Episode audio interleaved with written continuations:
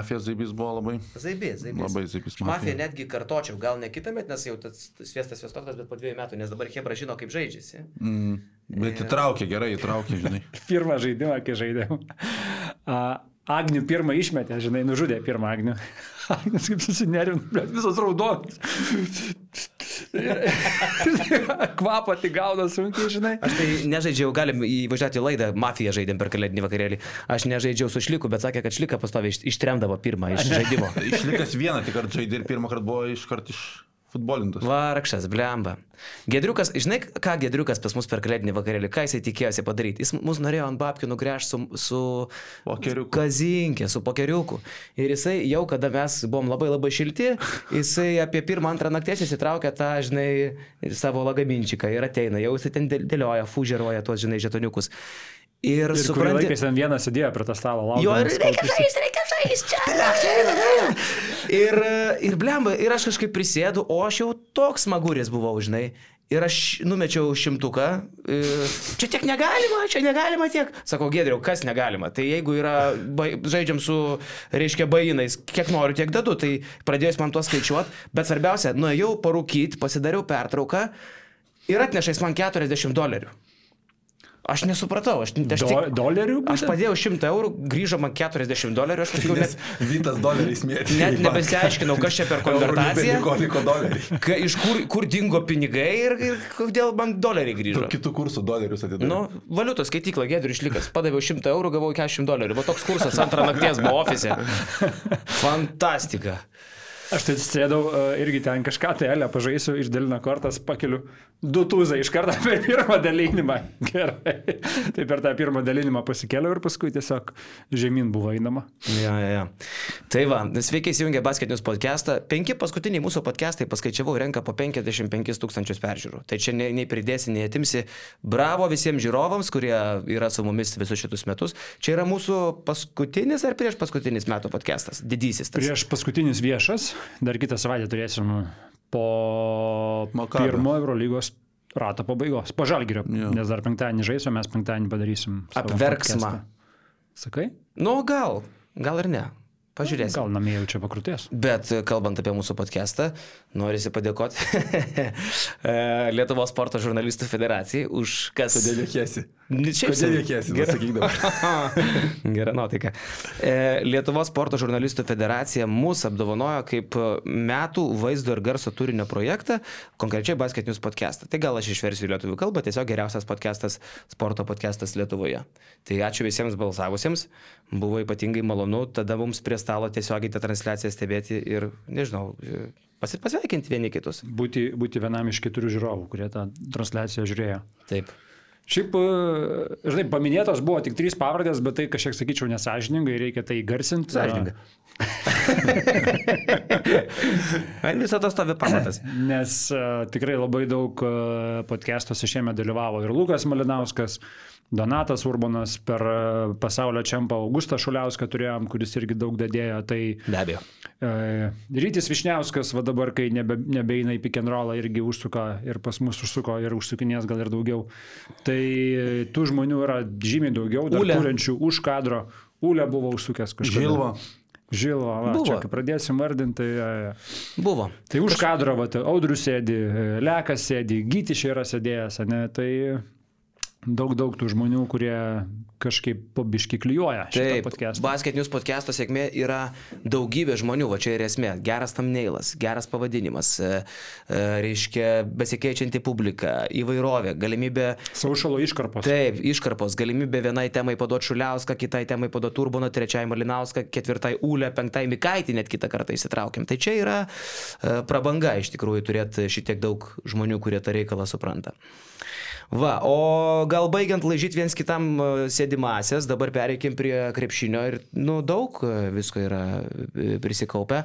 E, Šitą savaitę prasidėjo nuo Šiaulių makabriško pasirodymo su Utenos Juventus, kada Šiaulių arenai buvo pralaimėta 40 taškų ir surprise, surprise, posto neteko Nikolais Mazurus. Bet tas surprise, surprise, kaip suprantu, buvo ir Donatų Islaninai. Jo, Nes lygtais be jo žinios Mazaras buvo nuimtas. Su kieno žinia? Nacitskas. Nacitskas. Okay. Ten buvo įsikišta dar, man atrodo, ne tik Slanina čia, nes kiek teko girdėti, kad Slaina net nežinojo, kad jau Urbanas atvaro.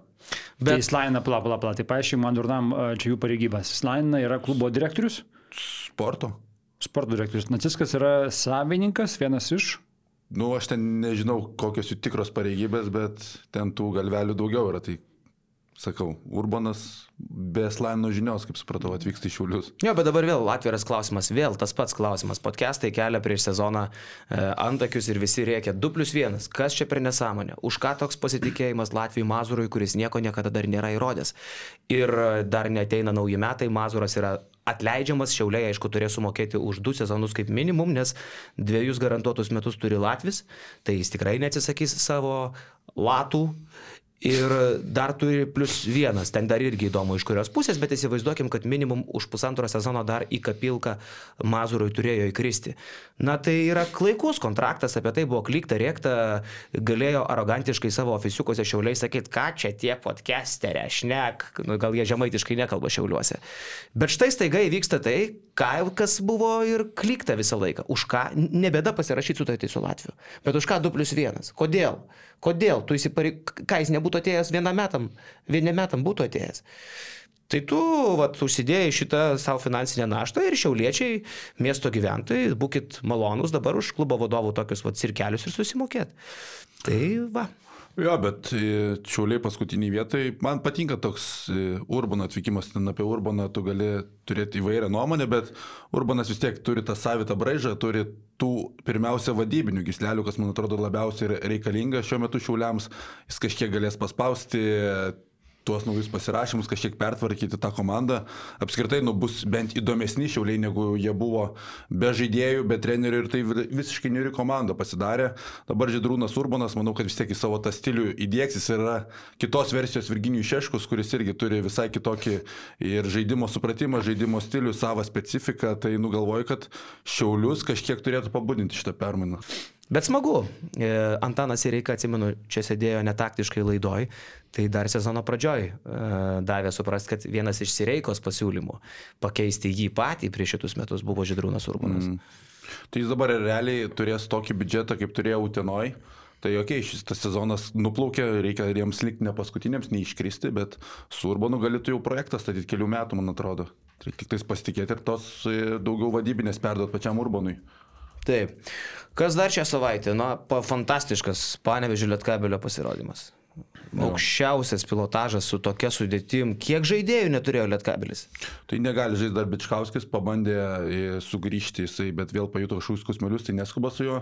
Lipkevičiui plaučių uždegimas, ten buvo rimtai, rimtai sirgo visa komanda, Lipkevičiui ir komplikacijos. O, oh, wow. Ir Varnas pirmam kelnį patyrė traumą. Tai realiai perimetro linija ištrupėjusi, bet... Ir Valinskas po pertraukos grįžęs. Valinskas grįžo po pertraukos, bet grįžo taip, kad, nu, tikrai geriausi žodžiai. Su pasaulio rekordu? Asmeniniu. Su pasaulio asmeniniu rekordu. tai realiai, kai mes mėgstam visą kitą, kai ten Lietuvos klubai Europoje pralaimi prieš kitos lygos komandas, pradedam lyginti, koks čia LKL silpnas kitame kontekste, tai tu dabar gali apversti realiai penkta LKL komanda nugalėjo Vokietijos čempionus, kurie šiuo metu yra antri Vokietijoje ir žaidžia tikrai labai gerą krepšinį. Tai iš tos pusės labai džiugu dėl Lietkabelio. Valinskas, kaip ir sakau, nu įspūdingos jo mačas, aš jau sakydavau, kad anksčiau būdavo tas žaidėjas, kuris su kamoliu lietuvis geriausiai susikūrė savo erdvės metimui. Būdavo Mindaugas Girdžiūnas, kai Mindaugas Girdžiūnas paseno, dabar man atrodo toks žaidėjas yra Paulius Valinskas, kuris nu, tikrai įspūdingi įgūdžiai su kamoliu ir erdvės susikūrimas ir išmetamas geras metimas. Davidų Sirvidžių irgi galima toliau žavėtis, komentau šitas rungtynės, tai Sirvidis mes prieš jam grįžtant įvardijom jį kaip sniperį. Tie procentai, jie nėra sniperio lygio dabar, bet jis yra žymiai universalesnis krepšininkas, negu jisai buvo prieš išvykstant už Atlanto, atsiradęs prasiveržimas, atsiradęs prasiveržimas tiek į kairę, tiek į dešinę pusę, atsiradęs žaidimo skaitimas su perdavimu. Vienintelis dalykas, kur dar servidžiui tikrai reikia padirbti, kad jisai galėtų žaisti aukščiausiame lygyje, tai Euro lygoje, tai kamulio varimas. Jeigu čia pridės, tai nuservidis tikrai bus, kaip Kazis Maksytis vasarą sakė, mes jo labai tikime, jis yra Lietuvos krepšinio ateitis. Jo, e, aš tai dar žaviuosi Lietkabelio atsigavusią publiką, fanais, e, jeigu mes labai dažnai akcentuojam ryto palaikymo kultūrą, kur tikrai žavinga žiūrėti, kaip ten pasijungia vis daugiau žmonių prie aktyviausių, tai Rokas Grajauskas su ta skanduotė visi už Lietkabelį atnešė irgi tam tikros naujos kultūros į panevežėčių gyvenimą. Gi koks yra panevežėtis? Jisai į akis labai retai žiūri, jisai spaudžia ranką tyliai, jisai eina atsargiai, jisai Man tai nepatinka daug nešneka. Nu, Nu, čia- čia yra lietuvis. Kalbu apie tipinį panevežėtį. Čia yra lietuvis, čia yra tipinis lietuvis. Panevežė tas būdinga, aš, tipinis kadangi lietuvis, daug metų vedu renginius, tai nuvažiavęs į Panevežį tu visada jauti šaltesnį klimatą, šaltesnių žmonės negu, sakykime, Kaune, Vilniuje ar toj pačioj Klaipėdai. Klaipėdai, tarp kitko, labai šilti, ypatingai pabalevojus, įsivažiavus. E, Panevežys, šiauliai, jie turi tą tokį atšiaurumą. Taip yra, tai nėra stereotipas, taip yra. Nes daug, pan, ta- tarsi panevežys šiaip yra senas miestas, jauni žmonės iš jo išvažiuoja ir jie nutupia tam pačiam Kaune ir Vilniuje. Čia kodėl taip yra, čia kiti klausimai. Bet kad taip yra, tiesiog taip yra. Bet dabar, e, kuo toliau, tuo labiau, tas panevežėtis įsitraukia tą šaliką iš kišeniuko, atsistoja jisai su visais, e, pilnos tribūnos, kiek jų ten aišku susirenka, iškelia tą šalikėlį ir dainuoja tą visi už lietkabelį, žinai. Pramušti šitą ledą, pralaužti šitą ledą tokiame mieste kaip panevežys nėra paprasta. E, Plus puikiai dirba tas e, Vladelis, pranešėjas jų, kuris irgi drasus bičias, atsistoja, dainuoja, ragina, nebijo pats natą užtraukti. Kartais gal tokiam vestuvėlėm lengvom dvelgtelna, kas e, e, man atrodo kartais gal nelabai skoninga, bet kita vertus drąsos tam bičiui netrūksta. Ir va tokie keli niuansai, ta skanduotė, Vlado, kaip pranešėjo, uh, užtikrintumas, drąsa uh, pramuša tą panevežėčio ledą. Ir ten darosi smagu, net būti, aš buvau žalgeris su Lietkabeliu, kai žaidė e, Kalnapilio arenai. Ten smagu atsiradus kultūrą ir žinai, kodėl dabar panevežėčiai iš viso yra vadinami Lietuvos japonais. Kažkada buvo lietuviškąja Čikaga. Dabar Lietuvos japonais vadina juos apsauga. Buvau kėdainėse savaitgalį ir kėdainėse ten jautėsi, kad e, nu, panevežėčiai vos nežaidžia kaip namie. Atvažiavę tikrai su pora gal autobusų, palaikymas didžiulis. Būgnai, visa kita, bet ten lipi po rungtynių į spaudos konferenciją ir buvo jų kraštelis tų panevežėčių, ten ilgai kol išeidinėjo viską.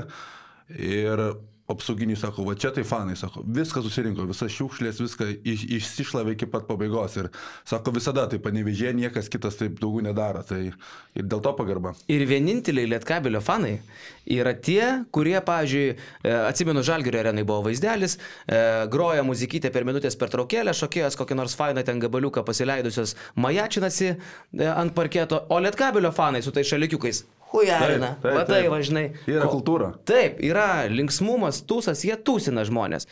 E, su Žalgiriu, kai žaidė Kalnapilio arenoje, irgi šiau pagavęs save, kaip tas toksai, žinai, surambėjęs kaunėtis, e, pripratęs, kad Žalgirio arenoje mums nelygis pajudėti ir pasitūsinti, žinai, atsisuku už nugaros, tie blecha, taratata, taratata, visa tribūna, žinai. E, Jeigu taip ir toliau Lietkabelis gali e, užsiauginti naują fainą fanų kartą. Taip. Žinai, ir daug lemia tai, kad ir vis tiek komanda turi savo identitetą, turi savo veidą. Ne? Čianakas vat, trumpam buvo išvažiavęs, parvažiavo, bet iš esmės tai yra veidas klubo. Tada yra Maldūnas, su kuriuo irgi labai lengva jiems sėtis vietinis. Orelikas praktiškai pasidaręs irgi vietinis, Lipkevičius jau ten šimtą metų sėdė, ne? Ir, Taip. toks, ir toks, žinai, jau yra brandulys, kur tu, players. kur tu susijęji su irgi Ir aiškus vadovas, jo, jo, tai toks ilgamžiškumas ir jo, labai smagu, kad jie ištraukė rungtynės.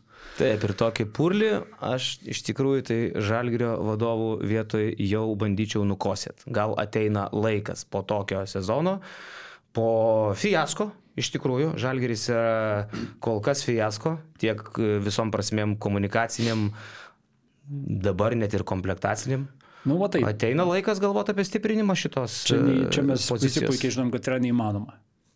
Purlys? Nes, nes žalias kraujas yra pirmas dalykas, kas turi būti tavo įsivekę kaip pirmas punktas. Taip, čia yra Paulius Matijūno ta filosofija yra, na, bet Paulius Matijūno Žalgiryje nebėra.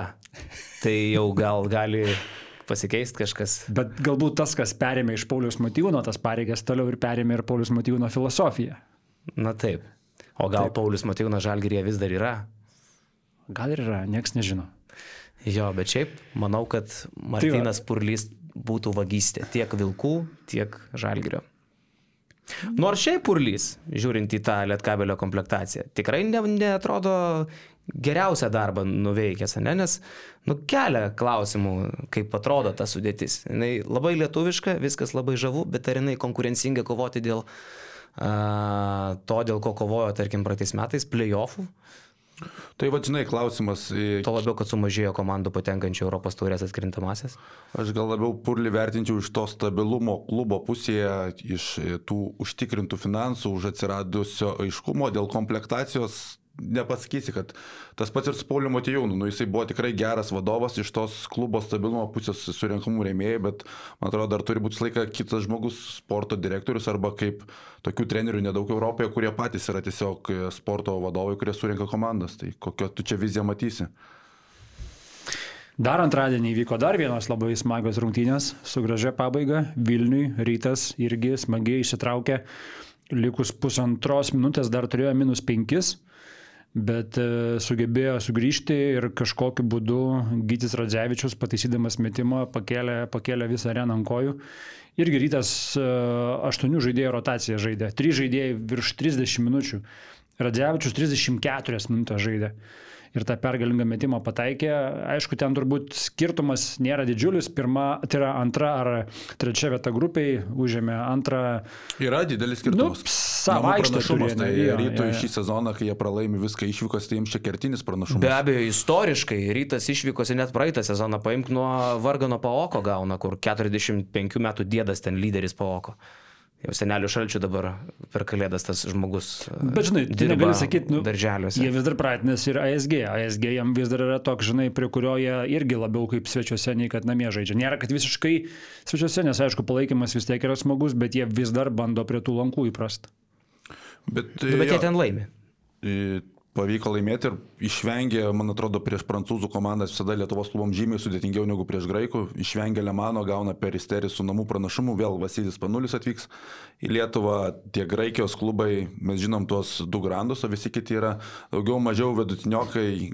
Rytas pasidalino pergalę su Prometėjas, tik labai panašaus kalibro yra komanda ir tas pats peristerį, bet E, Rytui sunku, rytui sunku, kai Hornsby traumuotas, bet kai ir netraumuotas, jis nieko nelabai duoda. Nebuvo RG Kaulo ir kaip Gedrius Žipienas sakė spaudos konferencijoje, kad nu, mano, mano nuomonė tai yra per mažai žaidėjų, kurie gali varytis kamolį. Tai akivaizdu, kad reikia to papildymo, to papildymo reikia šią arba kitą savaitę prieš prasidant įkrintamosioms, net, net ir su namų pranašumu. Vis tiek tu su tokia rotacija gali prisižaisti su tuo pačiu peristerį. E, Matėme tą paskutinį metimą gerai, Gytis Radzevičius ištraukė, bet tas Luko Uliacko dvi žingsnis link krepšio irgi turėtų įeiti į ryto istoriją, koks buvo, kokie lėti ir neužtikrinti žingsniai. Gerai, kad pasikė, pasimaišė Gytis Radzevičius, bet taip neužtikrinti uždarinėti rungtynės. Aš nesutinku dėl Gyčio Radzevičiaus pasimaišė savokos. Gytis Radzevičius visais laikais, kiek jisai yra LKL, Ne, tai jisai gerai, yra geriausiai dėl atšokusių kamolių puolime kovojantis savo pozicijos žaidėjas. Jis ir Vitenis Lipkevičius dar kažkada buvo toksai Martinas Linkevičius. E, irgi turėjo fenomenalų talentą atkovotėm kamoliam puolime kaip treti numeriai skirtiniai. Tai Radzevičius visą savo karjerą dirbo ant to, kad va tokį kamolį pasiimtų ir e, tai, ką jis padarė čia, kad tai padarytų. Tai yra jo žaidimo stichija. Ne, ne, aš sutinku su to, aš tik iš tos pusės pabrėžiu, kad, nu, jeigu tavo paskutinį metimą atlikinėja Lukas Uliackas, kuris yra daugiau metikas, bet matymą pabandė verštis ir kas gaunasi, nu, tai akivaizdžiai trūksta talento perimetre, reikia to žmogaus. Ten irgi, kaip supratau iš spaudos konferencijos, ne Uliackas turėjo mes tą metimą. Ten su, su, sudūžo tas derinys. E, Jo, galiausiai jisai laisvas pasidarė, bet, nu, bėgdamas link krepšio, tie lėti tokie žingsniai, nusakau, prastai atrodė. Va, rytas, rytas išsigelbė, nu, o e, kiek kaulo laiko nebus šiaip? Neaišku? Neaišku, bet turėtų grįžti, turėtų ant tų įkrintamųjų būti. Ok. O šiaip tai pagrindinis mūsų turbūt linksmumas e, buvo vakar. E, labai linksmas rezultatas nėra.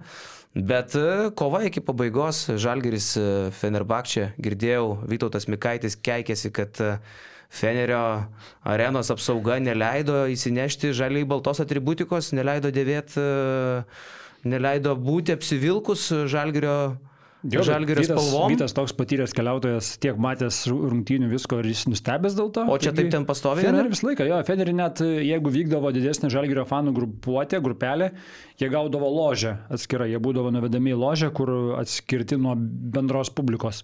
O čia dėl saugumo ar čia išsikalinėjimas? Aš nežinau, klubo? kiek ten to reikia, nes ten nėra, kad ten, žinai, atrodo, kad nėra, kad ten būtų labai tie žmonės pikti ir pavojingi, bet gal turbūt dėl viso ko, žinai, žinodami, kad e, karštas kraujas gali prasiliet galbūt, tai turbūt dėl viso ko taip yra elgiamas. Aš girdėjau Mikaičio pasiūlymus, kad lai žalgirio apsauga žalgirio arenoje, kada atvažiuos čia Feneris, tą patį padaro su jūs ir galiais. Akis už akį, dantis už dantį. Aš tai nesutinku, aš galvoju, žinai, kaip... Sako, tegul ant kartoniuko atsistoja ir nusirengia visą geltoną, geltoną atributiką. Kiekviena, kiekviena šalis turi savo cirkų, tai ten yra tokie. Pas mus mes gal kažkiek tai civilizuotesni, tai džiaugiamės tom. Nu, nes Nu, atrodo keistai. Nu, tai aš už savo saugumą ir atsakysiu, jeigu aš ten prasileisiu, tai prasileisiu. Ar, ar, ten, ar ten kvepėjo apskritai to, bent jau kiek Vytos to žiūrėjau, sakau, ten šiaip, atrodo viskas taiku. Šiaip Fenerio, Fenerio, aš nežinau, man tai Fenerio atmosfera yra viena smagesnių Europoje, nes ten renkasi fanai, kurie supranta krepšinį. Ir ten nėra taip pavojinga, kaip, pavyzdžiui, gali būti pavojinga toj pačioje Oakoj, kur, ta prasme, sueina tikrai, sakykime, nepabijokim to žodžio, huliganai kai kurie, realiai, futbolo. O ten, ten man, sakau, man ten visą laiką atrodydavo labai normali atmosfera, kur galbūt yra perlenkta lasda su kažkokia tai baime, nes tos baimės aš nežinau, iš kur jinai ateina, nes labai ten viskas normalu. Ten jeigu rizikuoji nuo ko nors prasileisti, nebent nuo to talismano jų. Ne, man gerai, jie lau juda žiauriai gerai. Tokių Europoje turbūt vienetai, kurie tokie išskirtiniai būtų. Jie ir užkuriais tą komandą, tai žinai. Nukrito savas žaidėjas, pribėga talismanas, pakelia vos netampa rungtinių dalyvių. Taip, taip. Kažkas nuostabaus. Bet apie atmosferą, tai sakau, mes keliam reikalavimus čia Žalgirio arenoje, bet vakar pirmoje rungtynių pusėje. Nu, Fenerio fanai yra tokie, jie užsikūrė tik tada, kuomet komanda gerai žaidžia. Tai dar Žalgerio fanai net ir prie blogų rungtynių jie tikrai yra žymiai triukšmingesni, nes, sakau, pirma rungtynių pusė atrodė, kad Žalgeris žaidžia neutralioje arenoje. Atrodo, kad net žiūrovų mažai yra, jo. o antroje pusėje staiga jų atsirado. Šiaip Žalgeris, Augusto Šaliausko buvo geras pastebėjimas. Uh, Pirmoji rungtynių pusėje sužaidė antras, daugiausiai taškų įmestas rungtynės šiemet, daugiau įmetė tik tai Esveliui, kai įmetė 56 per pirmą pusę, vakar buvo kem 8 Feneriui. Ir tada viskas apsivertė antroji pusė. Antroji pusėje Žalgiris sumetė mažiausiai taškų šį sezoną Eurolygoje, vos 30, prieš tai mažiau buvo tik su tuo pačiu Asveliu, 32 ir su Pana irgi 32. Tai dvi žiauriai skirtingos rungtynių pusės, kur pirmoji pusė atrodo viskas, viskas puiku, viskas lengva, viskas, viskas bėgama, viskas įmetama. O antroji pusė ta gynyba Fenerio, tie besikeičiantis, besikeičianti gynyba Žalgirį išmušinėjo absoliučiai.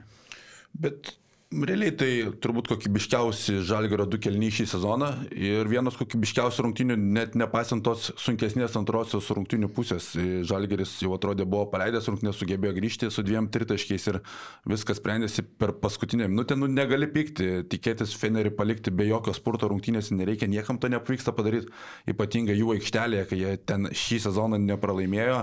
Ok, pirmoji pusė tik 3 klaidos, po pertraukos 11, tai yra tikrai per didelis skaičius kai kurių tų klaidų klaidų buvo galima išvengti, bet rungtinių planas, per kur atakuoti, e, nesvarbu, koks centras bebūtų, Žalgiris labai gerai pick and rollais išnaudodavo savo polimą, e, Laurinas Birutis išnaudojamas ant pausto, viskas buvo labai logiška, tik tais tas e, ir žaidėjų varžovų meistriškumas nu, yra visiškai kito lygio. Aš Skoti Vilbekinu realiai niekada netikiu, bet vakar buvo jo tas vakaras, kada jis jautėsi labai gerai. Dažnai Eurolygoje būna tokių vakarų, kai Vilbekinas nors ir turi sniperio statusą, bet prametinė laisvas, vakar įmeta nuo Eurolygos logotipo, meta tranziciją, Tyleris Dorsiai sužaidžia geriausias sezono rungtynės, tai vakar tas individualus meistriškumas labai daug pasprendė ir Fenerbakčio palimo. Ne, vad kad ir tas pats Dorsiai metimas, ne? Nu juk tai yra vėjas. Tokių metimų tu gali pataikyti vieną iš 40, iš 50. Nu aš jo. kiek tokių esame matę situacijų, tokiu momentu. Ten net nebuvo keuras, ten buvo... Ten net atrodė, kad nelėtė niekas, ta prasme, nieko ten, ten atrodė, kad neįkrito kamuolys į krepšį. Lygiai taip pat atrodo kamuolys, kuris krenta į krepšį ir kamuolys, kuris neįkrenta į krepšį. Toks va ten buvo metimas. Ir tu pataikai tokį metimą paskutinę minutę.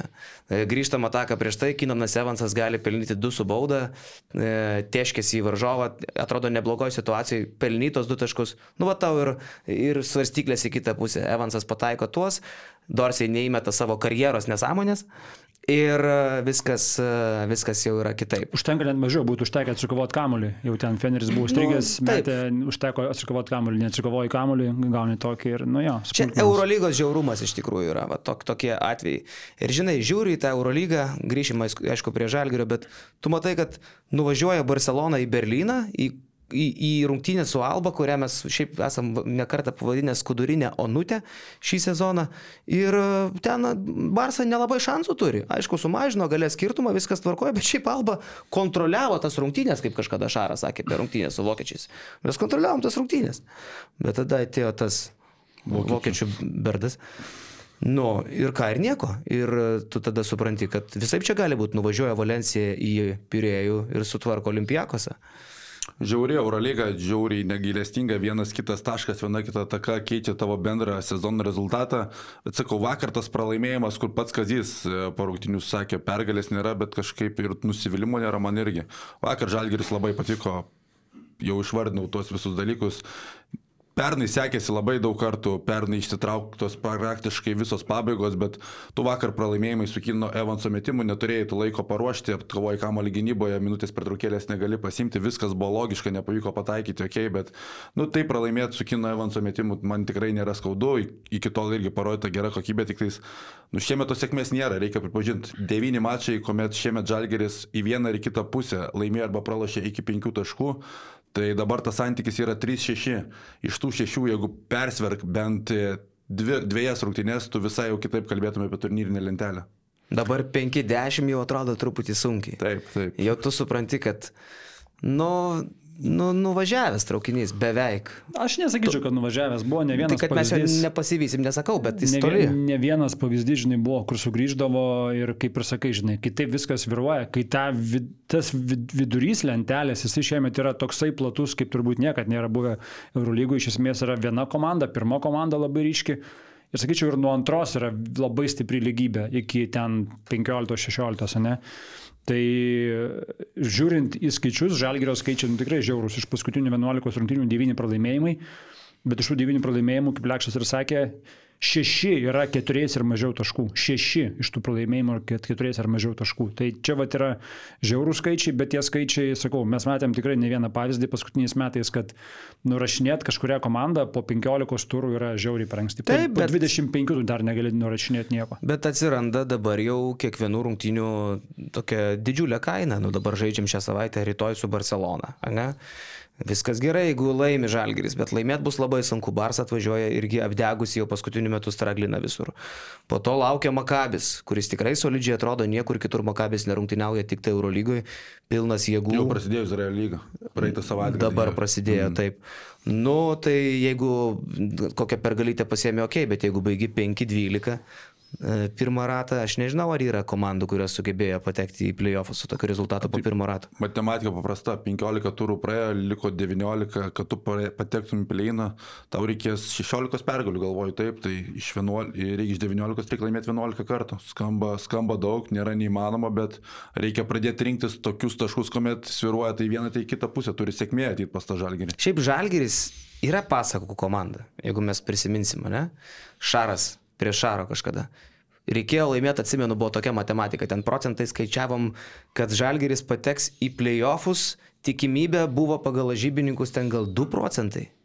Reikėjo laimėti šešis paskutinius mačus, iš kurių paskutinis su Madrido Realu ir dar kažkas turėjo sukristi kitose arenose. Radončius dar dabar skaičiuoja, kaip ten taip Ir galėjo nesupranta, baigtis, kaip tai nesupranta. atsitiko. Tai Žalgiris tada tą padarė. Praeitą sezonas buvo irgi, nu, kosmosas. Taip, kad, žinai, traukinys nuvažiavęs, kad mes jo nepasivysim, nereikia dar taip kalbėti. Pažiūrėsim. Aš matau, kad tu spirgi pristatyti, kas mūsų podcastą pristato, Jonai. Iš ko mes pinigus gauname? Iš ko mes sunkiamės energijos rytais kalbėti. Galų gale taip, kas, kas mus palaiko šitame sunkiame ir vingiuotame kelyje titulų link, supranti. Ar mes palaikom juos? Ir mes palaikom juos. Taip. Mes Taip. su jais. Ir jie su mumis. Labai džiugu. NordVPN. Vienas iš tesoneto prekės ženklų. Ja. A, Šiaip buvo pliusų pastebėjimai ir spėlionės, nu, nu, nu, nu, vyryčiai, ar jūs tik čia neprisišnekėjo? Už babkės mes keičiam poziciją iš esmės. Ne, bet žinai, čia yra dalykas, kur atsiskiria, labai natūraliai atsiskiria uh, verslas nuo, uh, ne verslo, verslas nuo sporto, sportas nuo verslo.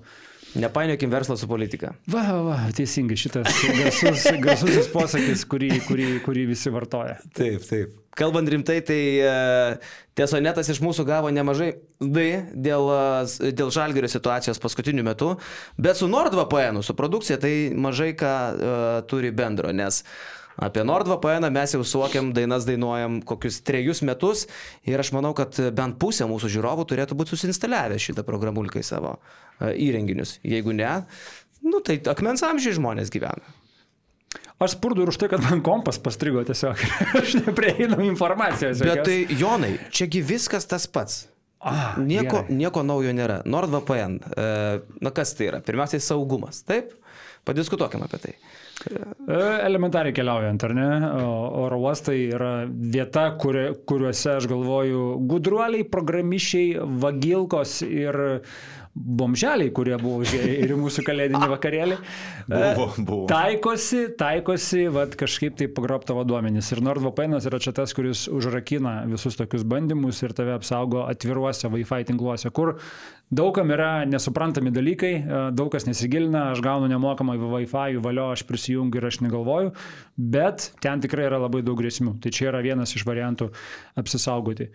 Kitas iš variantų, aš galvoju, ką irgi labai dažnai panaudoju ir pats, tiesiog norint kažkokį tai turinį pasiekti, kuris tavo šalyje yra nepasiekiamas, o kitoje šalyje jis kažkodėl būna pasiekiamas. Taip, ir programulka, kurią dabar kaip tik matot savo ekranuose, labai patogiai jums padės nueiti į bet kurią pasaulio šalį internetiniu keliu ir atstaiga apsimesti, kad, pavyzdžiui, esat e, Great Britanas.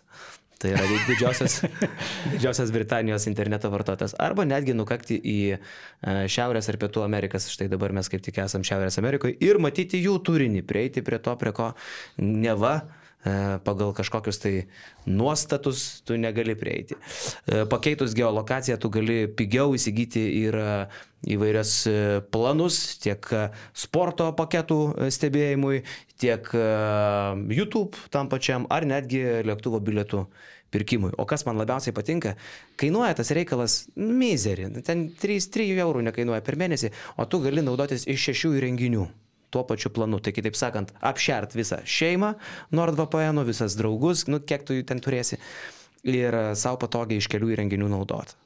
Keista net kaip jiems apsimoka, žinai, tokius, tokias sąlygas pasiūlyti. Bet Tardų penas man apskritai patinka. Na, nu, žinok, jeigu jau daro, reiškia, Tai reiškia, apsimoka. manau, taip. kad jau to, Bet- bet- mano vis tiek ir- ir neapgaus. Mums apsimoka. Mums labai apsimoka. Tai va ir sakau. Kas kitas dalykas, tai gali skambėti kartais, kurie su technologijom nedrauga labai sudėtinga čia kažką pakeitinėti, bet pats appsas nužiauraus patogumo. Labai lengva, viskas prisijungi, vienas mygtukas, tu jau kitur esi. Tai iš to patogumo pusės irgi labai, labai geras momentas klientui. Greitis. E, greitas kaip e, Lukas Lekavičius geriausiais laikais. Greičiausias VPN rinkoje ir čia patvirtino nepriklausomo IT saugumo instituto AV test duomenys. Čia nebuvo, kad nusipirkai e, sertifikatą. Nepriklausomas. Nu ir nuėjus adresu nordvpn.com slash pasvirasis brūkšnys basket news, a, specialiai pritaikyta nuolaida. Keturi nemokami mėnesiai prie dviejų metų plano, a, nepatinka, per mėnesį galite pinigus atgauti ir viską ramiai atšaukti. Va. Va. O ką, atgal į Stambulą dar grįžta mane, Stambulė, Stambulė dėdė, pažįstamas, bazuojasi šiuo metu. A, Šas. Šahas. Mačiau vakar pagal peržiūros, kad e, žmonės jau buvo pasilgę šaho šnekų. Sutjuškino Maksvitį, mačiau. E, jo. Normaliai taip. Atrodė, atrodė šahas palsėjęs toks, ne? Toks Šviežias. lengvesnis, šviežesnis negu, negu, negu galbūt būtų uh, kitų metų, bet žinai, realiai jisai dabar yra tokioj vat rūpiučio stadijoje, gruodžio viduryje, ne? Kai, kai visi vat rūpiutį tokie būna, o kas čia dabar tam sezone, kaip čia seksis. O gruodį jau užsiknysę, jau čia pralaimėjimai atleidžia, atleidžia, priima, sugražina, myli. Jo, jo, Šaras atėjo Žinai, į Šaras kada toks- visi jau įkalė gerai ir jau tokie sulėtėjęs tempas, žinai. O jūs į ko iš čia visi, žinai, tokie. Davai, davai, davai, nu pavydėsim biški, žinai. Ja, ja, tai toks tikrai su tokiu šviežumu įėję. Uh, davė kažkokių pastebėjimų, ne? Uh, aš, pavyzdžiui, pats net nežinau, kad jam Žalgiris pusantro milijono siūlė, sužinojau va, tik tai iš, iš video. Aš skaičiau kažkada kažkokio Artūro komentarą, kad pusantro, pusantro lemo. Artūrą? Nu, mes kažkada kaip pažvengėm. Nu, Okay. kažkoks Artūras ar, ar, ar, ar Arūnas komentarą. Arlauskas? Arla, Arūnas Arlauskas. uh, jo, kad ta. Tai, e, Bet sakė, už pusantrą būtų ėjęs. Tai va čia, žinai, irgi e, šiokie, šiokios tokios pastabos e, Pauliui Jankūnui ir ten, kas siūlė jam tą kontraktą, kad va, pusantro reikėjo pasiūlyti ir Šaras būtų važiavęs. mhm. Taip ir skuba, manau, Žalgeris pusantro lemą treneriui mokėti. Aštuonis kartus daugiau negu dabartiniam, tai žinai. Jo, jo, jo. Bet aš tai nežinau, kur tas, Oficialiai tai niekur aš neskaičiau, kad tai būtų pusantro liamo išlindo, bet jeigu jis buvo išlindęs, nu tai Šaras teisus, reikia susirūpinti, kad kas tai prašė. Padėjo mum, padėjo mum Discordas, išsiaiškinti mūsų pliusai Discordė, kaip visada tiesiog uh, skuba į pagalbą tokiais atvejais, paprašiau salės pagalbą šį rytą, hybrytę padėkit, nežinom, nerandam, kur čia tai buvo. Tai vad sakė, Pakienas pick and roll apie tai kalbėjo. Taip, bet gal irgi bairio forma, ar rimtai, jau kaip faktą patikė. Ar kaip uh, neoficialią informa- informaciją. Ar Pakienas kažką bairio formą pateikė, aš nežinau. Jo, Jo? aišku. Okay. Ir tada dar sakė LRT LT šaltiniai irgi skelbė, kad pusantro milijono. Ne, nu, tai ką Šaras galėtų Tai pasakyti? LRT, LT, kas čia galėtų būti, Richardas, Jon- tas, Ką žinai, ar jis. ar, ar Rytis Kazlauskas. Kazlauskas jau klins tikrai. LRT, jis nedirba LRT, ne? Nebe. Nu, teoriškai, tai o tai kaip jisai jis tik tai komentuoja komentuoja. Tai komentuoja. Nu, tai LRT, LT Kaip šaltinių. ir nėra. Jama komentuoja. Nu, tai taip, tai galėtum būti. Ne, tu čia bandai pritemti. Aš nebandau, aš kaip ką tik pasakiau, kad neįmanoma, kad Rytis Kazlauskas, Tai jis dirba jis Žalgirį. Dirba LRT. Ja. Nu. Tai jo, bet šiaip jo, kas, kas dar ten nuskambėjo įdomiai iš Šaro? Uh, Šaras šiaip įdomus, ta charizma jo, i, žmonės išsilgė, tu irgi žiūri tą video i, nu, ir tu klausai tą kiekvieną žodį, galbūt jisai kažko tau ypatingo ir nepasakys, nu, bet tu kažkodėl vis tiek nuolat įsijungsi, tai iš tos pusės labai smagu, kad jisai grįžo į tą Eurolygą, iš kitos pusės, nu, net Šarui nereikėjo daug pasakyti, kad suprastumėm, koks yra dabar jo santykis su Barcelona. Tai... Ir net nenori tą pusę žiūrėti, nenori apie ją kalbėti ir kai paklausė, kurią pusę palaikys, ar, Žalgė, ar Barcelonas, jis sako, tikrai ne tą, kitą. Nu, tai čia, tai čia buvo labai iškalbinga. Labai labai. Bet jis pažadėjo, kada nors galbūt, nepasakė, kad tikrai, bet galbūt papasakoti išsameu. Tai jeigu jau šitas yra a, sakinys, kad pasakysiu išsameu, reiškia kažkas tai ten yra daugiau atsitikę. Kaž, kažkokiu, kažkokiu dalyku mes tiesiog nežinom. Manau, kad tai yra, kad jis jaučiasi, kad kažkas negražiai buvo su juo padaryta. 3-0 nugalė Eurolygos čempionas ir kažkas, jeigu tu nelieki Barsui, tikrai kažkas turėjo vykti. Kitas dalykas dar žinai, kažkas. ten vienas dalykas, aš galvoju, pinigai buvo. Jeigu, jeigu jam buvo sakoma, kad reikia mažintis atlyginimą, ne va yra karpami kaštai ir taip toliau, ir paskui tu darai tokius pasirašinėjimus, kaip Bernan Gomesas ir panašiai, tai nu, gal, gal ir ta pusė buvo, kur, kuris galėjo jaustis apgautas. Kitas dalykas apie tą santykį su Žalgeriu, apie santykį su Maksvyčiu. Šaras kartais mėgsta pabliufuoti, bet šitoje vietoje jaučiasi, kad buvo tikrai nuoširdumas, kalbant apie Maksvytį. Sako, aš daug su juo nebendrauju, bet kuomet su juo bendrauju, man yra labai lengva, viskas labai paprasta, tai mes žinom, koks yra Kazis Maksvytis. Tai Šaras čia gražiai pasakė, o kitas momentas, kai apie trenerius asistentus kalbėjo apie Tomą Masiulį ir ar bus dar papildomų kitų lietuvių, sako, kad aš nelabai pažįstu kitų lietuvių trenerių, tai supras, kad Darius Moskoliūnas jau nebėra Šaro radarė. Ai, tai pasakė. Nuskambėjo toks sakinys? šitaip, okay. Nelabai pažįstu kitų Sako, lietuvių nelabai trenerių. žinau kitų lietuvių trenerių. Mm. Nu, Čia įdomesnis sakinys šiaip. Nu. Okay. Ką, birutis vėl sužaidžia prieš Motlį? Kas čia yra, tu man paaiškink, vis tiek tu apie tą krepšinį biškiraukį. E, Gerai žaidžia Birutis ant pausto Motlį, jisai neturi tos kantrybės. Matom, kaip jisai nuolat kiša rankas. Matai, kaip išėjo po pertraukos, Motlį visai kitas buvo. Jau Biručių nebebuvo taip paprasta, nes pirmus du kelnius darė, ką norėjo. Vėl, kaip buvo pernai kaune, taip vėl Birutis buvo per tašką nuo pakartoto Eurolygos rekordo, kuris buvo prieš Dženus Namotlį. Tai labai gerai tas pranašumas išnaudotas.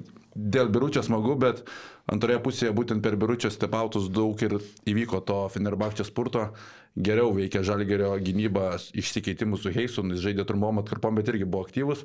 Man kas patinka, tai į Edmundas Samneris, jisai kažkokių stebuklų nerodo, bet aš matau tą potencialą jo, kad jisai su laiku turėtų tapti geru Eurolygos žaidėju. Į tam yra duomenys, jisai yra mėtomas per tas dvi pozicijas per žaidėją, bet jis kaip amerikietis, i, nežaidęs Europos krepšinė, visai gerai tvarkosi tom užduotim. I, Iš tos bėdos lenkamas į pirmą poziciją, drąsiai atakuoja iš toli, mes sakėm, kad tas metimas i, nėra kažkoks ypatingas, bet trajektorija kamulio išmetimo viskas yra tvarkoj, nepavyksta dar įsimesti tų metimų, kuomet atviroje aikštelėje įsiveržė į baudos aikštelę, bet tie metimai anksčiau ir vėliau sukristai. Man Samneris e, kelia pozityvą. Aš dar prie biuručio grįšiu, tai draft lygose e, ir klasikiniam drafte mes su Kaziu šią savaitę, kai darėm apžvalgą Kazimiru Labanausku, praleidom birutį, o vad komentarė buvo vienas žmogus mūsų apžvalgose, ten kartais tokių genijų ateina, kuris parašė, vyrai, biručiai, pakalbėkime apie bėdas. Redas? Nu, gal redas tam buvo. Taigi prieš motliai sako, sužais birutis. Ir taip aš paskaičiau tą komentarą ir galvoju, blemba, tu jaučiu būsi teisus. Dar taip galvoju, ten pamikerio, gal reikia pasimti pas mus fantasy į komandėlę birutį, nes jis ten pigus žiauriai. Mm. Tai va tam žmogui, kuris dabar, aišku, žiūrės ir šitą podcastą, aš noriu pasakyti. Maladėts. Bet čia yra, bet tos komentarus ten reikia paskaityti. Ten tokių perliukų būna numesta. Pavyzdžiui, praeitą savaitę e, buvo parašyta, kodėl jūs reklamuojat Baldviną prieš Larkiną? Kodėl turi sužais Baldvinas? Taigi Braunas stovės prieš Larkiną. Braunas sužais. Braunas surenka 30, Baldvinas minus 2. Suprantate, ir ten komentaruose va tokių va, mešliukų parašyta būna. Tai e, dėkui, kad žiūrite apžvalgas ir va, e, rekomenduoja tokius veikėjus. Aš dabar kaip apžvalgos vedėjas pradedu vadovautis komentarais ir daryti daryt sprendimus pagal tai, kas ten parašyta. Išklausai tautos šumo. Jo, jo, jo. Ir dar pasakysiu vieną paslaptį, tik nesakykit kleizai. Vakar važiuodamas į tą apžvalgą suknistą su kleiza. Už vakar. Už vakar. E, ne vakar čia buvo? Už vakar. Už vakar jo. A, supranti, Blinstrubas man surašė rezultatus.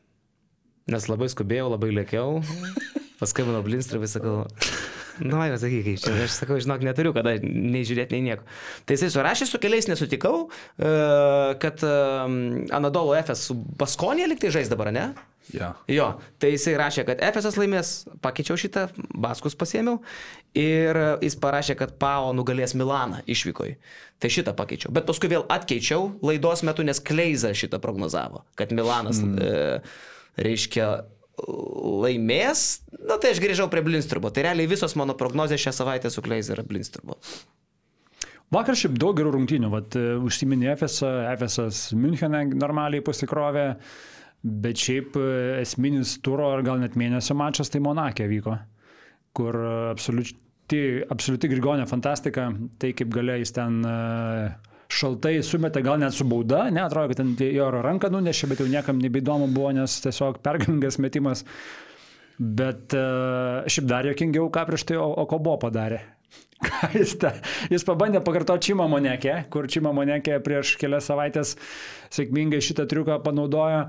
Bet net ir pats Monekė, kalbėdamas paskui pas Donce podcast'ą ar bonuse, sakė, sako, aš paskui pabandžiau pakartoti dar kartą tokius dalykus per trefiką, nu taip, ne, taip nesigauna. Sako, kaip man ten pavyko, nu čia yra kur kas sunkiau negu gali atrodyti. Jis, jis pataikė Monekė į lanko priekį, kamuolys taip gerai atšoko tiesiai jam į rankas. Ir sako, taip, taip pataikyti, tai čia tikrai yra kur kas sunkiau, negu gali atrodyti žmonėms iš šono. Bet čia tokia, tokia nelogiška situacija. Aš dar prieš tą Okobo baudą, dar pagalvojau, nu dabar Saša Bradovičius turbūt vis tiek patyręs treneris, ką jisai sakys. Pataikyk tu tą baudą, broli, turim. Nes tik plus 2. Turim plus 3. Uh, nežinau, ar turėjo taimautą Panatinaikos. Gal ir turėjo, būtų pasėmę taimautą, įsimetę kamuolį iš savo aikštelės pusės. Tai turėjo, nes turėjo po tos nesąmonės. Tvarkoj, tai viskas gerai, įsimesta kamuolį, bet tai viskas, kas blogiausia gali atsitikti, įvirins tritaškį ir žaisim pratesimą. Čia blogiausia, kas gali atsitikti. Bet ko gero, kad mes galim ir subauduoti, ir visokių variantų gali būti, ir nu tai yra sunku padaryti. Tai tu jau pataikydamas baudą praktiškai laimi rungtynės, tai tu prametinėjai baudą, ok, bet tu ją prameti šitaip. Kas, ta, kas tau yra negerai? Aš nežinau, tiesą sakant. Ai, čia kaip monekė, ne? Čia kitas, lanką, jo, kitas šitas, epizodas. nuostabus. Nu. Čia absoliučiai nuostabu šitas epizodas. Jo, Nu. va, ir tu laimi rungtynės. Nu va, mes turim dabar Okobo, ne Loidas. Okobo, teisingai. Jo, bet e, aš nežinau, kas labiau nesuprato, tik tai kas čia atsitiko, ar Okobo ir Gedrius Vaitkevičius, kuris komentavo rungtynės ir ilgą laiką dar abejojo. Matau, kad tokia tyla pasimetimas, E, kodėl su kamoliu dabar čia bus panatinaikos. E, Bet taip švystal, čia yra. Ok, labai labai blogai. tai čia yra siaubas. Ir jo- jokingiausia, kad Čima Monėkė, žiūrėdama šitas rungtynės, sureagavo, sako, bro, it's not for everybody. Ir juokėsi ir po, ir po kokių penkių minučių, nu gal po trijų, kai Grigonis pataiko trajeką, jis pakomentuoja dar tą dėm. o, žmogu, vėl. Šiaip Čima Monekė yra žiauriai įdomus bičias, aš pažiūrėjau Twitterį, jo neseka ne dešimties tūkstančių žmonių, 9-8 kažkas tokio. Tai jeigu naudojatės Twitteriu X, ar ne kaip jis dabar vadinasi, eikit pasiekit Čima Monekė, yra absoliutus auksas, lobis, labai įdomus bičias. Kas dar nematė, pažiūrėkit ir Urbonusą, kur, kur jisai su Donci ir Eriku Makalomu šneka puikiai iškalba, puikus bairis, pu, puikiai gaudosi, aš, aš, aš, aš buvau maloniai šokiruotas dėl, dėl, dėl visko, ką jisai ten darė. Jo, kai buvo Vitorija, tai dar ir, gavos, kad iš ryto važiavau su traukiniu į Madridą po rungtinių ir čia mamonėkė irgi šlubodamas ten varė, tai ir su stilium tikrai draugauja žmogelis. Jisai varė traukiniu? jo, varė traukiniu. Į Madridą? Irgi į Madridą nežinau, kokią ar tyrimų daryti, ar ko, nes jam ten skoja kažkas negerai buvo. Okay. Tai... Su stilium draugauja? Draugauja tikrai. Atsimeni, kai Selas užlipant kažkada ant scenos per TV3 mamą apdovanojimus. Sako, Jozas Tatkešis, sako, na, jie su stilium nedraugauja. Štai mes draugavom su savo fanais. Ir mes turim va tiek, ir niekas negali pasakyti, kiek mes iš tikrųjų jų turim. Jo. Selas, selas, o dėl, dėl Okobo, tai jo, tu tokį metimą meti. Ir, nu, dar didžiulė problema nebūtų, jeigu tu jauti kaltę ir bandai ištaisyti tą klaidą. Bet paskutinis pavo išsimetimas Grigonė tritaško nebūtų, jeigu ne Okobo. Okobo užmiega tiesiog, žiūri į kitą pusę, žiūri į kamalį, kuomet Grigonis jį... Seniai jis efektė buvo po tos baudos. Jis paveiktas Jis buvo. baltas buvo. Jis ėjo į taimautą baltas, jis suprato, ką jis padarė. Ir po to tai prasitėsi ir Grigonis laisvas išsimetė tik dėl Okobo klaidos gynyboje. Ir e, Atamanas per minutės pertraukėlę man patiko, kaip Grigonio pavardę dažnai mini. Kai vaizdu, koks, koks pasitikėjimas. Bet jūs įsivaizduojat, kaip Atamanui saldu buvo laimėti šitas rungtynės. Pirmą Panatnaikos pergalę prieš Monaką ir dar sėdi Genakopulas tribūnoje su savo pačia. Tai čia yra fantastika ir matau jau Genakopulas ten jau susiskrimtęs ir aš galvoju, kas gali būti uh, Atamanui svarbiau, įspūdingiau negu prieš savo bosą nukalt šitą pergalę. Pri, privažiavę pilną Graikų. graikų. Nu, čia wow. Aš manau, kad ten buvo linksma naktį. Jo, ir prie Grigonių turėtų būti linksma, nes daug klausimų buvo, ar jis galės žaisti iš viso šitose rungtynėse, nedalyvavo treniruotėse dėl Achilo sausgyslės, kaip suprantu, uždegimo. Išeina Grigonis, pradeda rungtynės irgi keliais tritaškiais ir tokį bazerį varo, tai, nu, fantastika dėl Grigonio, kai daug klausimų buvo vasarą, ar jis iš viso, ką jis ten veiks, pavo likęs. Šiaip, žinai, vat, kur darbo pavojus Grigoniui. Tikrai realiai gyvybei pavojinga. Trys epizodai po to laimėt, po to pataikytą Aš metimą. norėjau sakyti. Jisai griūna ant žemės, blemba čia nejuokinga iš tikrųjų. Žmogui su nugara Čia- problemos. Žmogui su nugara problemos sušoka visa komanda nugaros. Visa komanda. Čia Čia Paskui vienas. šitas latras irgi supranti, pradeda Tai tampyti. išėjau antrą kartą, nes dar jisai, jisai prieš tai ten prie fanų nuėjo. Irgi užsišoka ir griuojas vaizdas atsisuka ir sako, ar tu atsimeni, kad man nugarą. Jo, supranti? jo, jo, Jis buvo. Atrodo, kad kažką ir sako. Taip, taip, taip, taip. My chest, my chest kažką ten jisai irgi. E, čia jam nuskynė jį. Um, čia, apie šitą momentą tai aš Čia, nekalbu. Čia tikrai čia čia šonkaulė, čia nėra jokinga. Supranti, tu guli ant nugaros. Ant tavęs krenta visa komanda. Čia tai bauda. Bauda. dar tikrai. čia. Nu, ir okopo. O ko buvo? Pažiūrėk, nugara, šonkauliai, sėdmenys, klubai. A, a, ir paskui tikrai tą kaklą. tai- kobovom, lemą. Na ja, čia jau. Kelionės visos baigės. Tai... Ir šiaip gerai, Maikas kamuolį šveitė krepšį. Iš visų jėgų, taip, kai čiupo. Maikas prieš tai kamuolio negavo iš Okobo irgi Tai atako. jam prieš pavo pralošti, Maiko irgi. ne prieš bet ką pralaimėti, jis ant pavo jaučia dar. Ir dar Nuoskauda. prisiminkit Maiko Džeimso epizodą prieš Kostas Luką. Kaip e, Maiko Džeimso smegenys veikia, jis Terminatorius yra, jis toks įspūdis, kaip Švarco personažas tiesiog su tom akytėm raudonom nuskanuoja visas savybės, kas dabar atsitiks kelis ėjimus į priekį. Slukas yra patyręs zedas. Maikas Džeimsas sugeba suprast, kad bus pažanga ir imituoti dvi žingsnį ir metimą iš trijų taškų zonas, uždirbti tris baudas. Prisimenam, kas buvo Belgrade. Uh, viskas pralaimėtos rungtynės. Maikas Džeimsas virina du tritaškius su savo stebekais į šoną pakrypusiais. Nu, čia yra neįtikėtinas terminatorius. Sidestep, maros ten. Sidestep, whatever. tai, mm, nu, nežinau, ar toks, gal Sergio Jūlas, sakyčiau, buvo toks killeris tokių, tokių pabaigų. Vasilis Panulis, tai dabar Maikas Džeimsas tokia kategorija yra. Jo, aukščiausio lygio ir, Kaune nulėmė realiai Džeimsas ant tas rungtynės Monako prie Žalgerį. Tai čia jo duona.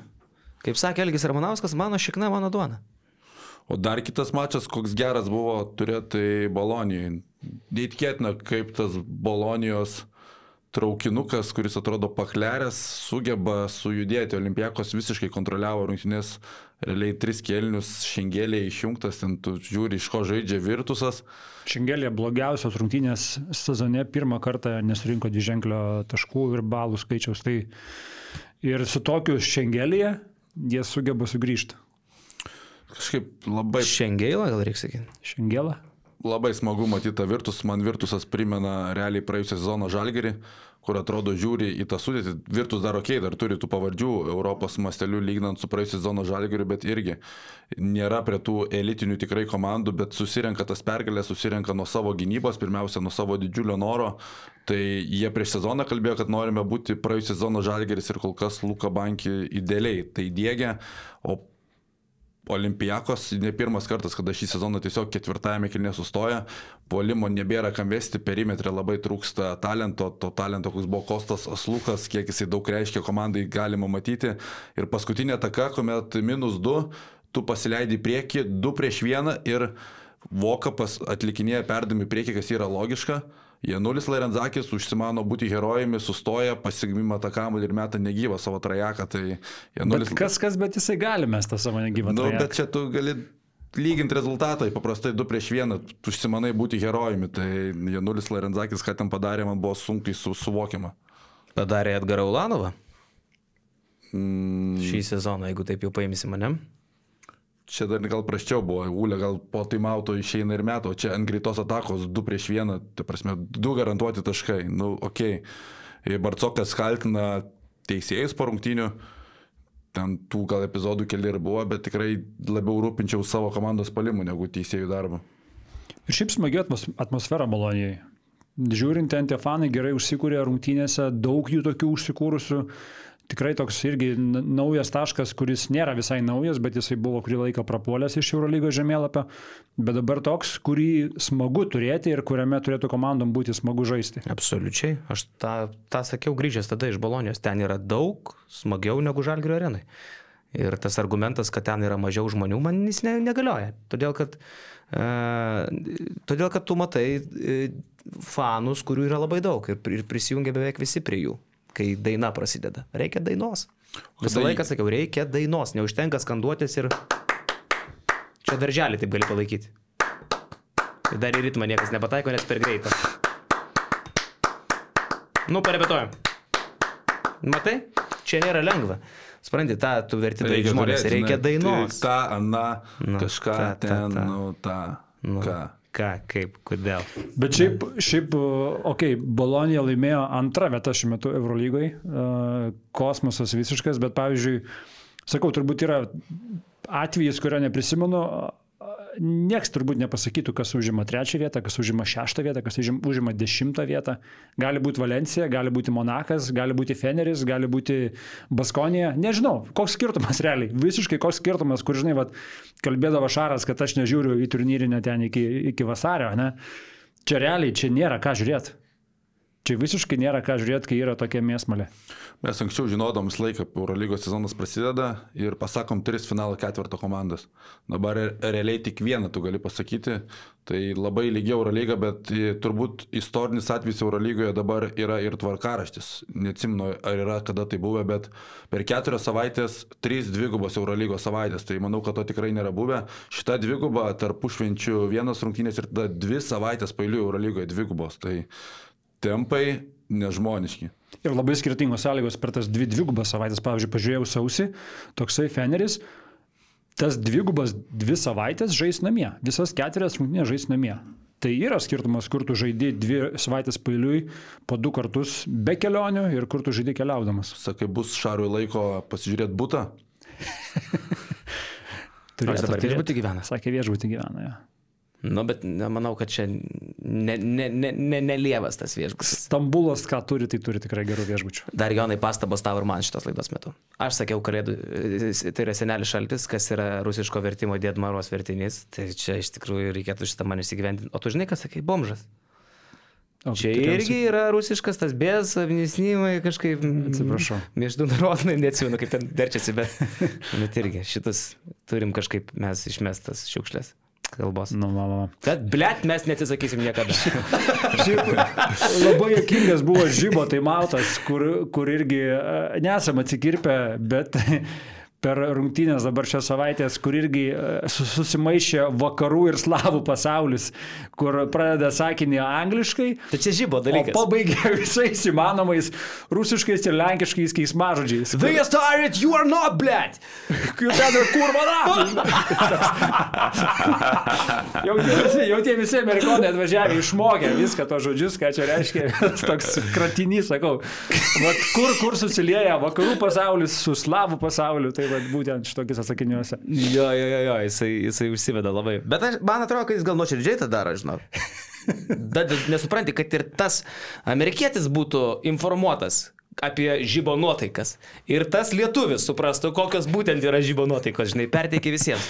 Nes aš nemanau, kad yra tokia panacėja, kuri labiau už blėt paaiškintų tavo nuotaiką.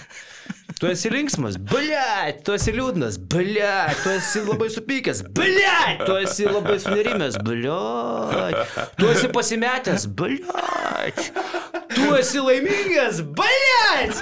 Supranti, ir tai Ir yra... lygiai, ir lygiai tą patį galima su lenkišku kurva padaryti. Taip. Taigi lenkai kurva irgi kiekviena, kiekvienoje situacijoje, žinai, pritaiko. Tai Ir jeigu LKL sakė, kad aš negaliu komentuoti dėl keiksmažodžių, tai po šito podcast'o, blia. Jis labai geras. Ačiū labai, ačiū labai. Su šventėm dar kitą. ramybės jūsų namams, jau- jaukumo. Taip, taip, taip. Uždėsim gal prieš visą šitą tokį įs- įspėjimą, kad dabar jau silpnų nervų žmonės gali išjungti podcastą. Nu, aišku, kad reikia. Kalbant apie silpnus nervus, e, Šabazas pratrūko irgi socierdvėjai, mačiau. E, Po Svairopulo pasisakymo po rungtynių, į paklaustas, kodėl nėra Šabazo. Svairopulas nebūdinga, tiesiai šviesiai pasakė, kad Šabazas Neiperas jau derasi dėl palikimo, e, dėl išvykimo iš Belgrado, baigėsi era Šabazo čia, bet Šabazas praėjus minutiai kerta Instagrame, kad gal nemeluok prieš kameras, treneris. Speak the truth in front of the camera.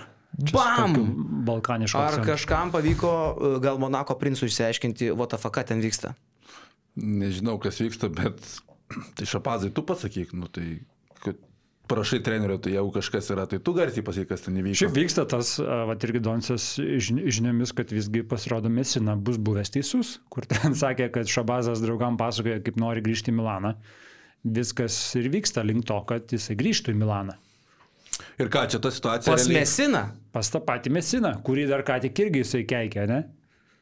Bet man būtų sunku patikėti, nejaugi taip gali atsitikti.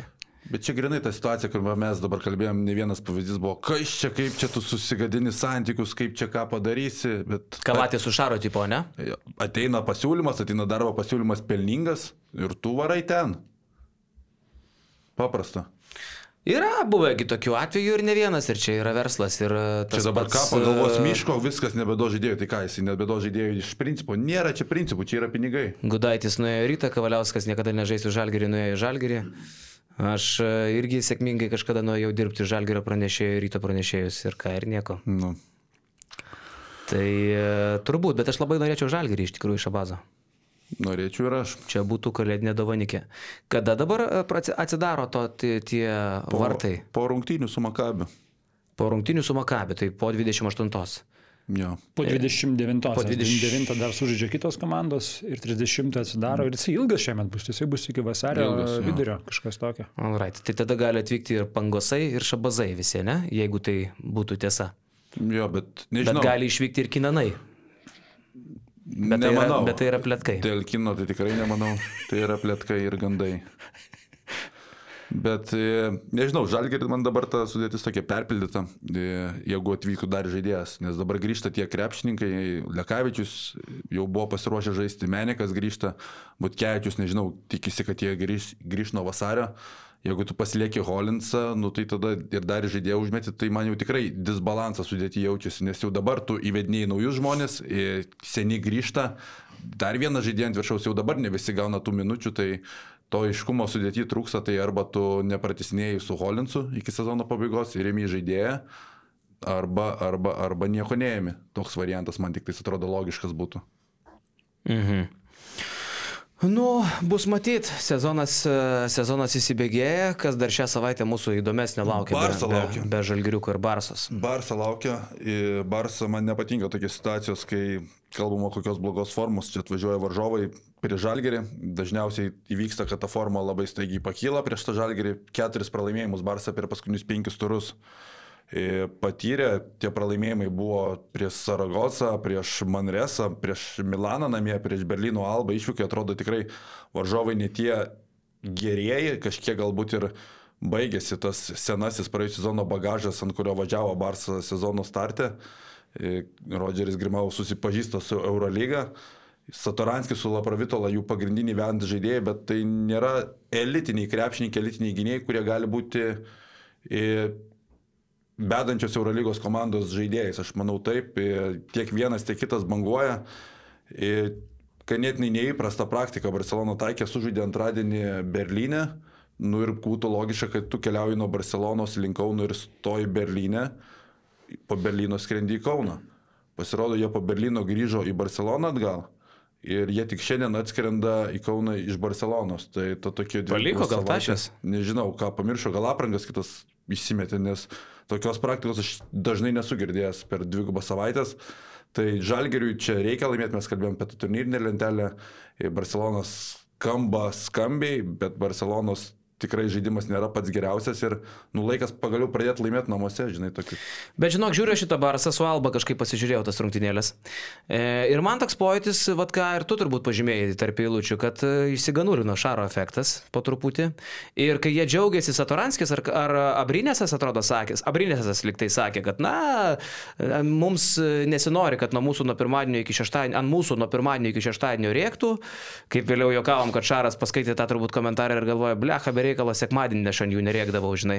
Bet šiaip kalbant rimtai, aš žiūriu tas rungtynės ir man toks pojūtis, kada, kada Barsa pajutė, kad iš tikrųjų galima gėdingai pralaimėti Albai, tada jie pradėjo žaisti likus šešioms minutėms.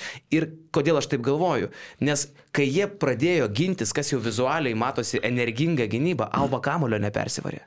Ten pasipylė klaidos, ten viduriai aikštės pradėjo pametinėti kamuolius, nu toks jau kur matai, kai Žalgeris LKL susikaupė, prieš tai tampėsis ten su kokiu nors nevėžiu ir tu matai, kad jau nevėžiu kvėpuoti darosi sunku. Įjungė Eurolyginį režimą. Tai Barsa išjungus Eurolyginį režimą buvo Berlyne ir įjungė jį per vėlai. Jie pralošė keturiais taškais, nors realiai turėjo pralošti 15-20. Taip kaip vyko tos rungtynės, beveik visą ypatingai antrą pusę. Tai jeigu čia yra ženklas, aš neįsivaizduoju prieš Aro padėjusių taip skersą žaidėjų, kurie žaidžia likus penkiom minutėm. Aš mačiau tą barsą, kenčiančią, negražiai žaidžiančią, ten keikėmės, klykiam, bet jinai nebuvo dėjus skerso. O dabar Berlyne padėjusi skersą lošia. Tai, nu, sutikit, talento tu negali lyginti. Ir kada Pročedas su Veceliu laisvi mėto trajekėlius, ten Tymanas kaip nori nusimetinėja į vieną pusę, į kitą kamoliukus ir ties lankioje, nu, tai apie Rodžerį Grimau tada jau galima po truputį kalbėti kaip apie trenerį, kuris sunkiai įsireikalauja dalykų, bent jau šiuo metu tokia yra situacija. Tai va, aš bijau, kad jie penktadienį tikrai kaune neslankios po tokio sukretimo. Manau, kad ne. Ir taip pat buvo, kai jie patyrė tris pralaimėjimus pailių ir savaitgalį žaidė atsabai su Baskonija. Tai pamatėme visai kitą nusiteikimą ir namie Baskonė 20 taškų nugalėjo. Tai Barsos talentas, Barsos lygis, kai jie žaidžia pilna koncentracija, nėra lyginamas šioje situacijoje. Tai, okei, okay, atrodo, kad atvažiuoja blogos formos Barcelona, bet, nu, laikyti žalgerį favoritu irgi būtų neteisinga. Jo, čia gal ir ta, žinai, forma, forma, bet gal čia tas toks sezono vidurio tokia lengvas pavargimas nuo krepšinio atsiranda, kur pradžiai pradedi su entuzijazmu visada viską gyvenime daryti. Nu, pirmą mėnesį visada ir LKL ten būna netikėtų rezultatų.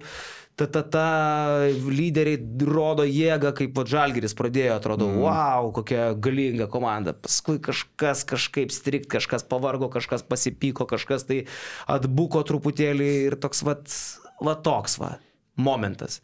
Bet laikas žaisti su Barcelona dabar žalgiriui po tokios gėdos. Čia yra gėda. Berlyno alba yra še šį sezoną. Ir taip atrodyt, nemanau, kad pasižiūrėsi turnyro lentelę ir pagalvos, kad ai, dar viena alba čia tas žalgiris. Ne, ne, ne. Reiks pasimti patiems pergalę, bet skau, jeigu bus kokybė kaip stabulė, tai visko gali būti. Ir tos kalėdinės rungtynės Kaune dažniausiai jos būna sėkmingos, pergalingos. Galim prisiminti e, COVID-19 sezoną. Tai Trinkeriai. buvo tas pergalingas metimas e, Grigonio prieš Bayerną. Pernai tas pas Bayernas irgi prieš pat kūčias buvo nugalėtas. Dabar dar bandau atsekti 19 metus. Man sakau, kažkaip užsifiksavę, kad labai dažnai tie paskutiniai mačai prieš Kalėdas Kaune jie būna, jie būna šiaip labai uh, smagus. Kur ta antraštė kiekvienais metais Žalgeris įteikia savo fanams kalėdinę dovaną. Jeigu šiemet taip parašysim, palaikinkit. Sutarėm, padarom tokį. Jeigu laimi prieš Barsą, žiūrėk, Jonai, susitarėm. Parašom antraštę. Žalgeris įteikia kalėdinę dovaną. Okay. Gerai?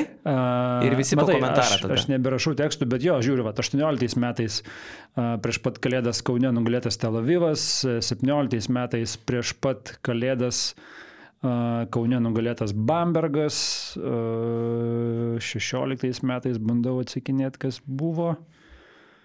Uh, išvyka buvo. Ai ne, vad paskutinį kartą 16 metais 22 dieną Kazaniai buvo pralaimėta. Suprantate, mes gerai lošiam per kalėdas, nes mes esam mažiukai ir mes esam vienas namuose filmo gerbėjai. Ir mes prieš šventes laukiam to pikto žuliko, pridėliojam jam daug spastų, žinai, ir dažniausiai jisai čia pas mus įklimsta. Tai, nu, duok dievę, nes tai būtų labai reikalinga. Čia nėra, kad kalėdinės dovanos reikia fanams. Jiem patiem- žalgiriui jiem reikia labiausiai kažką reikia. pagaliau rimto nuveikti šitame ture. O žinai, kas, kam kalėdos kol kas gali atrodyti liūdnos, tai Vilkams. Vilkams ten liūdėsys pralaimėta Žuventutui, tas Europos taurės traukinys traukė į šoną. Apskritai, gruodį Vilkai per šešias rungtynės laimėjo vieną kartą, o tas tvarkaraštis negailestingas ir gali tie pralaimėjimai nesibaigti. Dabar savaitgalį laukia mačas prieš Lietkabelį namuose. Ten jie privalo laimėti, kad tą bent emocinę būklę pasikelti, nes ir žaidimas prastas, pergalių nėra. Ir po to irgi beprotiškas ir tarpušventis vyksta į Stambulą su Bešiktašu. Tada grįžta iš Bešiktašo, žaidžia Kedainėse su Žalgeriu karaliaus Mindaugo taurė. Mindaugo atsiprašau. Mindaugo karaliaus, sorry. Ir po, iškart po naujų dar tos nukeltos rungtynės su Telavivo HPL, tai tie pralaimėjimai gali tęstis, jeigu toks žaidimas bus, kaip, kaip yra pastaruoju metu. Tarp kitko, kada žaidė su Žalgiriu Wolves, mačiau, sako, ar egzistuoja Wolves fanai. Aš netgi nufilmavau, žinok juos. E, Įdėsim va irgi šitoj vietoje. Net pritraukiau būrelis ištikimiausių Wolves aistruolių. Buvo Žalgirio arenos pačioj, pačioj palubėse. Va. Įsikūrė. Va. Ir stūksto jie savo. Pažiūrėk. Ir jie va čia savo ir įsikūrė garbingai, gražiai. Kelia triukšmą. Nu, tai negali sakyti, kad jų visai nėra. Tai vad, kol kas jiems e, komanda neįtikė kalėdinės dovanos. Taip, o mes kalėdinių dovanų turim. Aišku, jau kalėdiniam dovanom gal truputį traukinys nuvažiavęs. Jeigu dar nenupirkot kalėdinių dovanų, tai jūs, nu, vis dėlto, nu, žiauru, nes aš irgi taip pat. Aš irgi. Kas žiauriausia, aš irgi dėja. Žiauriausia yra tai, kad e, kas darysis penktadienį Kaune, visi paskutinę dieną važiuos pirkti dovanų į Akropolį, Reikia šiandien varyti. o Žalgiris žais su Jau Barcelona. jau- jau šiandien Tai ten maišysis, nežinau, bus kamštukas. Vis dabar jau viskas, dabar jau šakės e, dėl dovanų grumsimės, e, stumdysimės prie kasų, E, nežinau, varysiu kokiu kvepaliuku ten pri, pri, pririnksiu. E, Dabar jau situacija, kur jau reikia spręsti ją iš Jo, esmės. bet dovanas vis dar galite įsigyti tokias, kurios nėra fizinės, nėra apčiopiamas, o tai yra pavyzdžiui ta pati BM plus prenumerata, kuri gana smagiai irgi šluojama šį mėnesį. Tai tokia dovana, kurią, sakau, labai paprasta įsigyti ir labai paprasta padovanot. Pliusų, beje, bičiuliai, savaitgalį mes perkopėm septynias štukas. Bet čia yra daug. Va čia yra didžioji mūsų šio sezono pergalė. Nu, čia yra mažų mažiausiai daug. O sakyk, Jonai, o tai naujametinė dovana, jeigu dar nori ten kokį džempaką paimti. Nauja metinė. Mm, Ką turim dar kažką sandėliukė? Sunkiai, sudėtingai, nes mūsų spaustuvė irgi atidirbusi visas šitas kalėdinės beprotybės, kitą savaitę sako, I'm, I'm out, I'm out. Tai gerai, patargavojam. Jo, jo, smagiai. Tai va, bet šiaip tikrai. Kiek pardavėm, lieka- pavyzdžiui, skersą dėjo ant to basketinius džempų? Nežinau, žinok, šitos skaičiukus reikia susivesti po visko, ten Milda labiau skaičiuoja. Nu, prasėisim. Jo, bet turim, turim Milašių, kuriem irgi galim padėkoti už tai, kad jie su mumis čia būna. Marius Milaševičius UAB Mačiūnai, Marius UAB Solita, Vytautas Ratkus odontologas 24.lt, ABXA, Rolkis Rolės Transport AS. Justinas Bakas, Milė Butik LT išskirtinės dovanos, va vėl dovanos, Mad Market stalo žaidimas, National.pintographic, Evaldas UAB Emeritus, naujasis kita LT sąskaitų kūrimas, Vengeras Telegrame, Gedrius Grigalius, E-Tortas ir FB, 2K, MyMBA, Lietuva, Lietuviška MBA lyga. E-tortas, kas va čia yra, šitą reikėtų pasi, prasičekinti. Čia aktualu? Jisai neseniai atsiradęs yra, gal čia torčiakai, žinai? Žiūrėk. Mm, jo. Jo, nu gal užteks tada apie tai. O klausyk dar apie tos džemperius, mačiau, lydėjus gavo dovaną iš mūsų, ne? Jo, jo, lydėjus pamatė tą džempą, kai Bertys buvo nuvažiavęs praeitą sezoną. Kurį? E, Šimtuką, kur šimtas laiko. Mhm. Nes Bertys turi tokį bordo džempą. Tai jis, kai ten e, į Belgradą varinėja kas porą savaičių, žinai, tai dažnai ten jį žmonės pastebi, Berti. Mūsų serbas. Jamba visiškai, jisai dabar vėl Serbijai. Ne, tai dabar čia, kai buvo atvažiavęs. Ai. Tai pamatė tada ir sako, aš tokį irgi noriu. Nu, sakom, reikia pagaminti. Tai išsiaiškinom dydį, padarėm tą dydį, atvažiavo čia ir padovanojom. Oh, you, oh, the hoodie. I forgot about it. Žinai, kokios mėgstamiausios berčio uogos? Ne. Serbentai. Tad jau turbūt viskas. Nu, ką dar čia žiūrėti į mus? Viskas. Baigiam. Eikit pailsėti. Visą iki. Ačiū, kad žiūrėjai šį podcastą. Paspausk like, taip bus pamatys dar daugiau žmonių, arba prenumeruok kanalą ir gausi informaciją iš karto. Nuo dar daugiau turinio BN ⁇.